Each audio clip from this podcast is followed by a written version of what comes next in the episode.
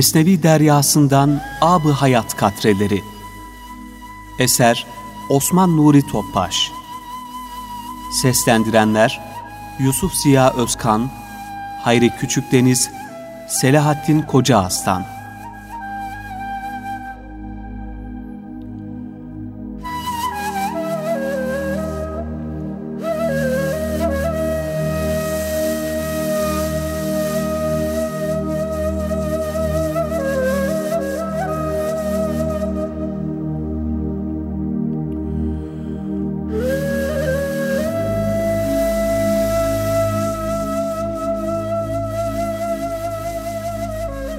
Sen aklını başına al da ömrünü şu içinde bulunduğun bugün say.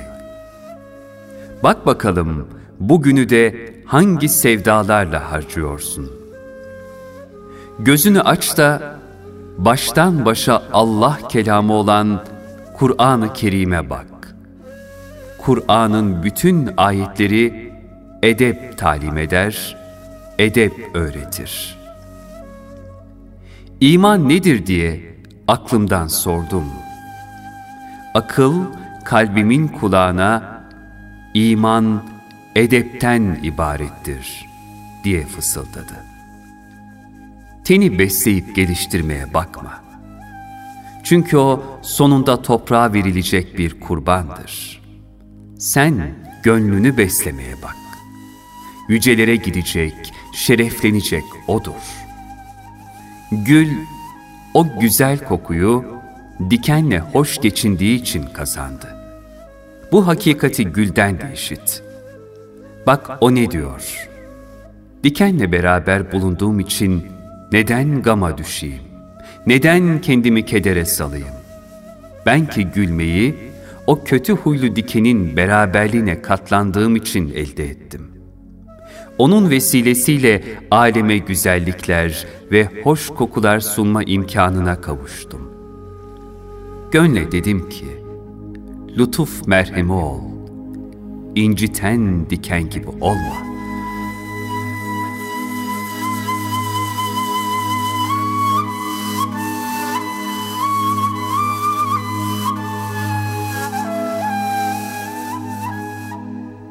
Abı Hayat Katreleri Ön Söz Bütün insanların sulh, sükun ve huzuru için gerekli mükellefiyetleri tanzim eden İslam hukuku, iki farik hususiyete haizdir. A. Hükümlerinde daha ziyade akla ağırlık verip hikmete istinad etmek. B. Adalet ve merhameti ilahiye icabı olarak, emir ve nehilerinde toplumun en alt kademesinde bulunan asgari takatlileri yani zayıfları esas almak. Çünkü bir pehlivanın taşıyacağı yükü çocuk seviyesindeki bir kimseye teklif, adalet ve merhamete aykırı olacağından, yani zulüm teşkil edeceğinden, her çeşit muhatabın durumunu göz önünde bulundurmak bir lütuf mahiyetindedir.'' Şu iki vasıf toplumun her kesimi için hakkaniyete ve maslahata uygundur. Ancak havas yani ruhen maneviyata daha istidatlı kişilerin daha yüksek manevi seviyeler kat edebilmeleri için İslam'ın üst alemlere açılan ruhani kapısının her zaman açık tutulması da gerekmektedir.'' Aksi halde maneviyata teşne nice kabiliyetli gönüllerin ufku kapatılmış olur. İşte bu gerçek sebebiyledir ki, İslam tarihinin her safhasında tasavvufi akımlar daima alaka ve revaç bulmuştur.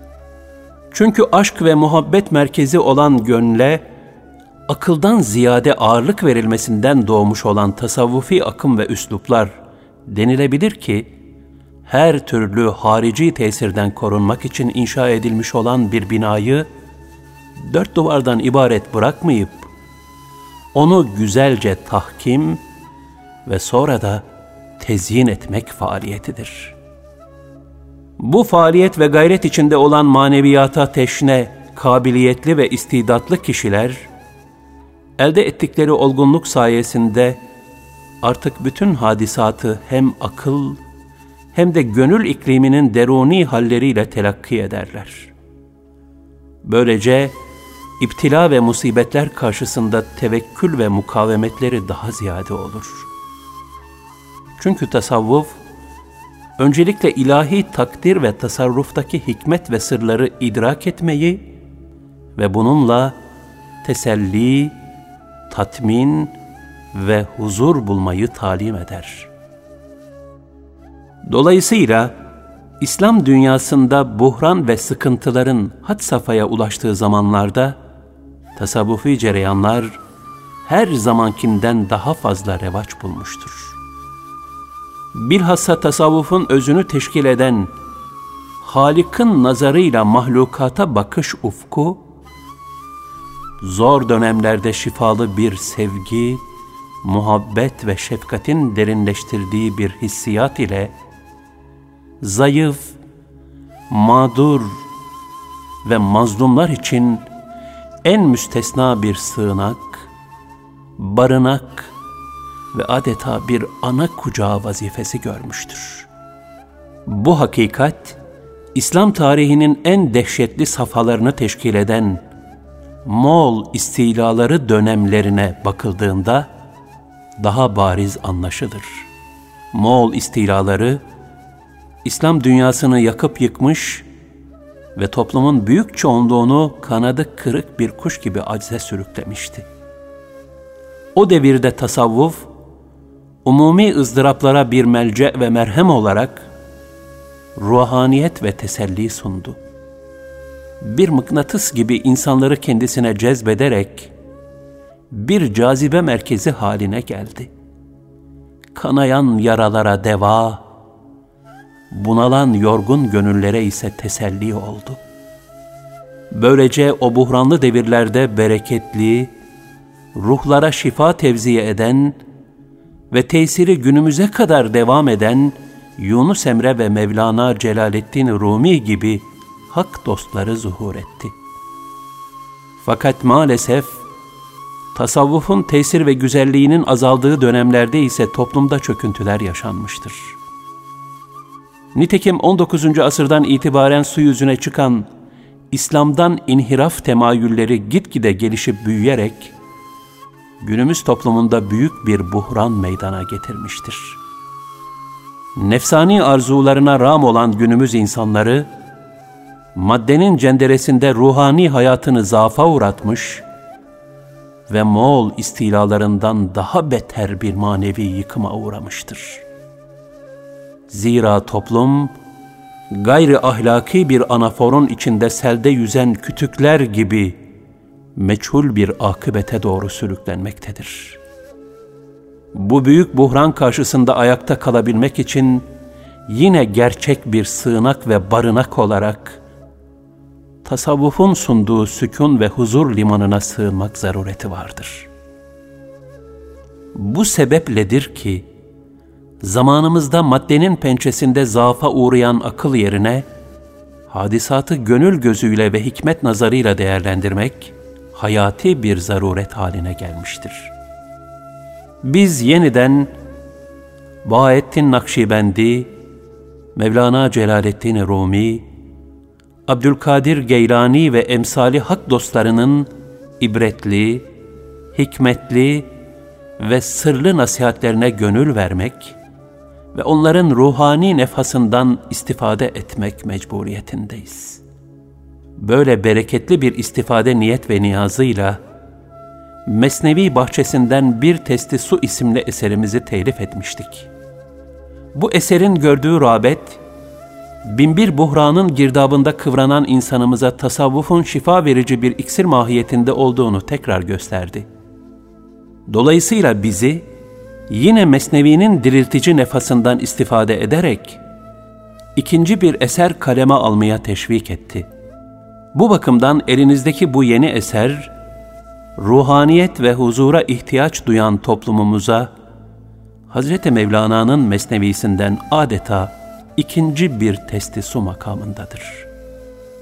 Bu vesileyle ifade etmek gerekir ki, sadece milletimize değil, bütün insanlığa yüzyıllardır ölümsüz bir ilham kaynağı olan Mesnevi, Cenab-ı Hakk'ın Mevlana Kuddisessir ruha lütfettiği bir mana ve sır deryasıdır. Aynı zamanda derin sırlarla dolu bir esrar kitabıdır. İnsanın keşfi ve insan ruhunun kelimelerle çizilmiş resmidir. Mesnevi'de Hazreti Mevlana, insan ruhunun derinliklerine inmiş, insanın iç yüzünü gerçek kimliğiyle müşahede etmiş ve ahu figanlarla derdini açacak bir gönül aramıştır. Tasavvufi hakikatleri ve ruhun inceliklerini mesnevi kadar derinlemesine ifade eden eserler nadirdir. Mevlana Hazretleri, beşer müfekkiresiyle zor kavranan tasavvufi mevzuları, ruhani ifadeler ve hikmetli hikayeler yoluyla ehli irfanın gönlüne zerk etmektedir. Rabbimiz, Hz. Mevlana'ya lütfettiği o hikmet dolu gönül ummanından ve onu vasıta kılarak bizlere de acizane ona ait duyuşlarla bu kitabı derlemeyi nasip etti. Bizler ancak bir daktilo mahiyetinde olup, kendimize ait her türlü iddiadan teeddüp eder, Cenab-ı Hakk'a sığınırız.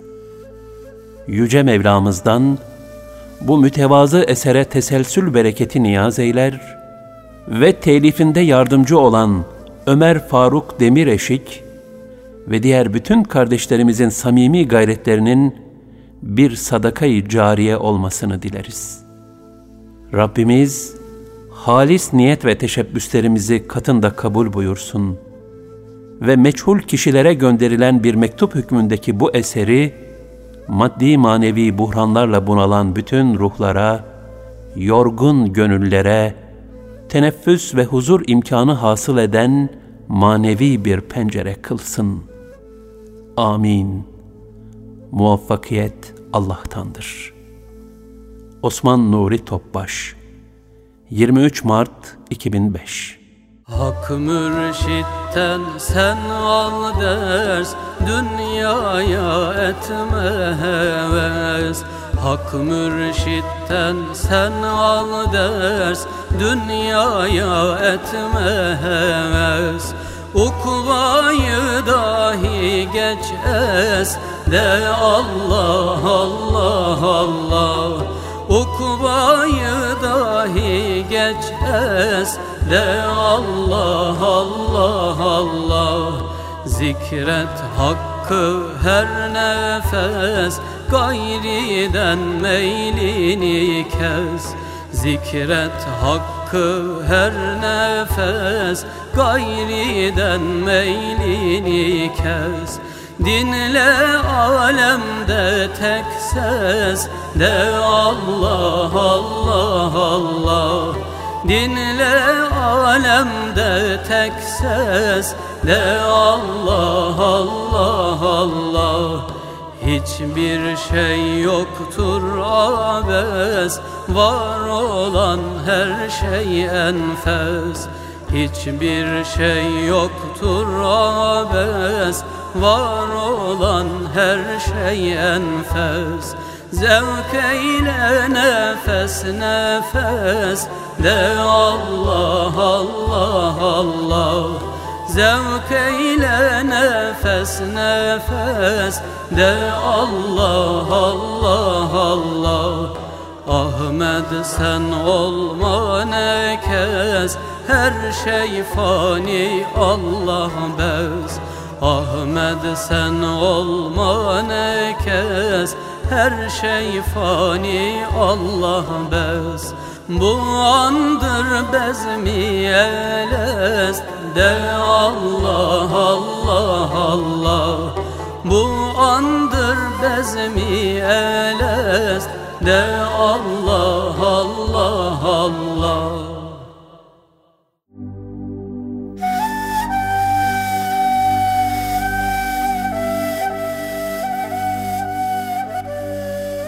Neyin hikayesi?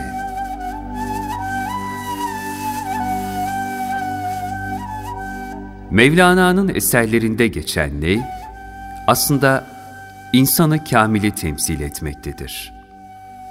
Sazlıktaki bir kamışın ney haline gelene kadar geçirdiği devreler, insanın olgunlaşmasını, yani nefsi teskiye ve kalbi tasfiye basamaklarını ifade eder. Ney başlangıçta kamış olarak bulunduğu sazlıktan ayrılmış ve bu ayrılık onun nasıl acı acı feryadına sebep olmuşsa, ruhlar aleminden gelip balçıktan yaratılmış bedene, yani ten kafesine giren kamil insanda da o ruhani aleme hasret başlamıştır. Bu hasreti riyazat, murakabe, tefekkür, ilahi aşk ve çilelerle yoğrulan insan olgunlaşır, seviye bulur, nihayet kamil hale gelir. Sazlık içindeki kamışlar arasından çıkarılan ney, usta bir el tarafından usulüne uygun şekilde kesilir. İçi boşaltılıp kurutulur. Daha sonra ateşle derinerek baş ve son kısmına demir boğumlar yerleştirilir. Bir müddet bu halde bekletildikten sonra ney, neyzenin nefesinden üflenen nefha ile dinleyenlerin kalbi seviyelerine göre güzel sesler, hayret ve hikmetler yaymaya başlar. İnsan da kemal yolunda hep bu safhalardan geçer. İnsanı kamiller, diğer insanlar arasından belli kıstaslarla seçilirler. Nitekim peygamberlerin en büyük özelliklerinden birisi, onların seçilmiş olmalarıdır.'' Daha sonra çeşitli terbiye usulleriyle onun içi fani dünyevi bağ ve endişelerden boşaltılır. Seyr-ü sülûk yolunun sabrı gerektiren meşakkat, iptila ve imtihanlarıyla karşılaşır ve vahyin izini takip etme neticesinde olgunlaşır. Sonunda Allah'ın sanat, hikmet ve kudretinin tecelli ettiği bir vasıta haline gelir. İnsanlar, ondan sadır olan deruni hikmetlere ram olur ve vuslat yolunda mesafe almaya başlarlar. İnsanlarla ortak kaderi paylaşan neyin ortaya çıkışı ve onlar tarafından keşfedilişi hakkında Mevlevi kaynaklarda şu temsili hikaye nakledilir.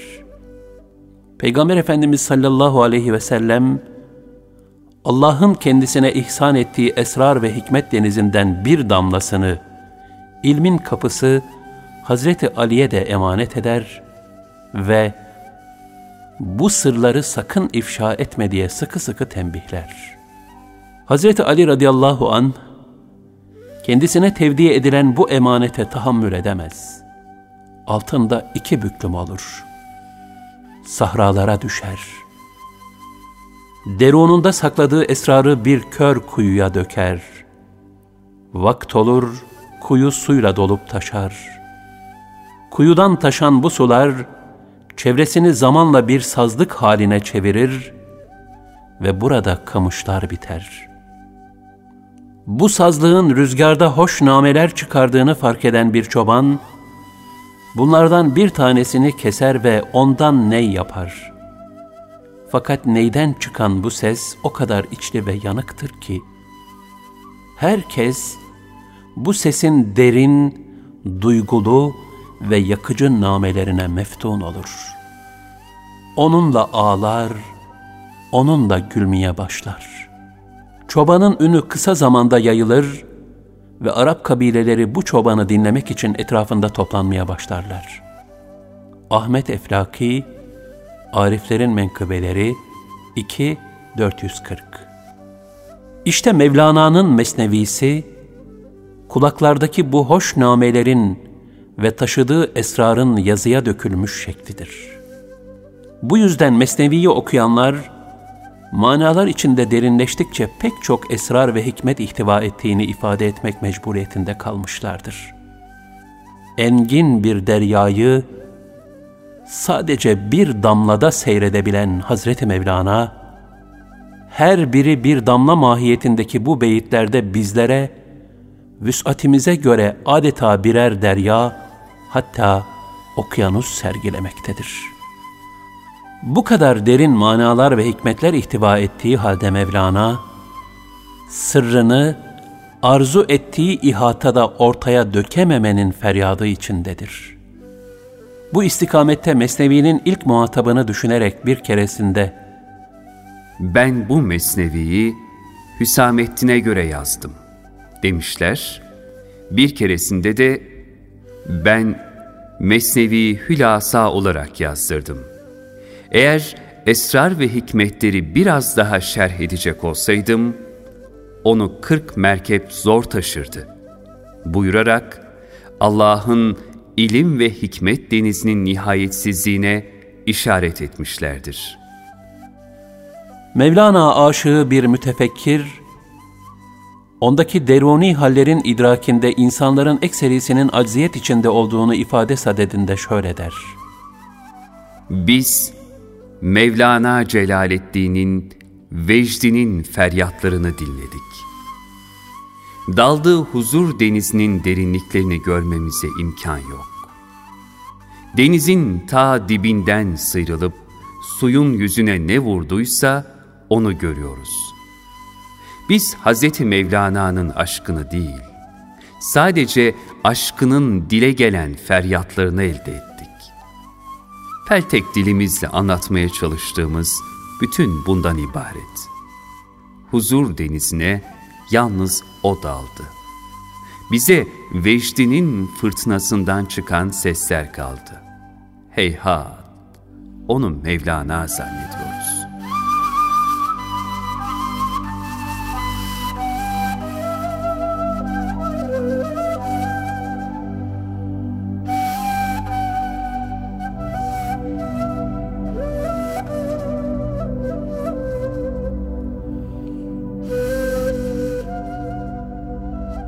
Mesnevi deryasından Ab-ı Hayat katrelerini dinlediniz.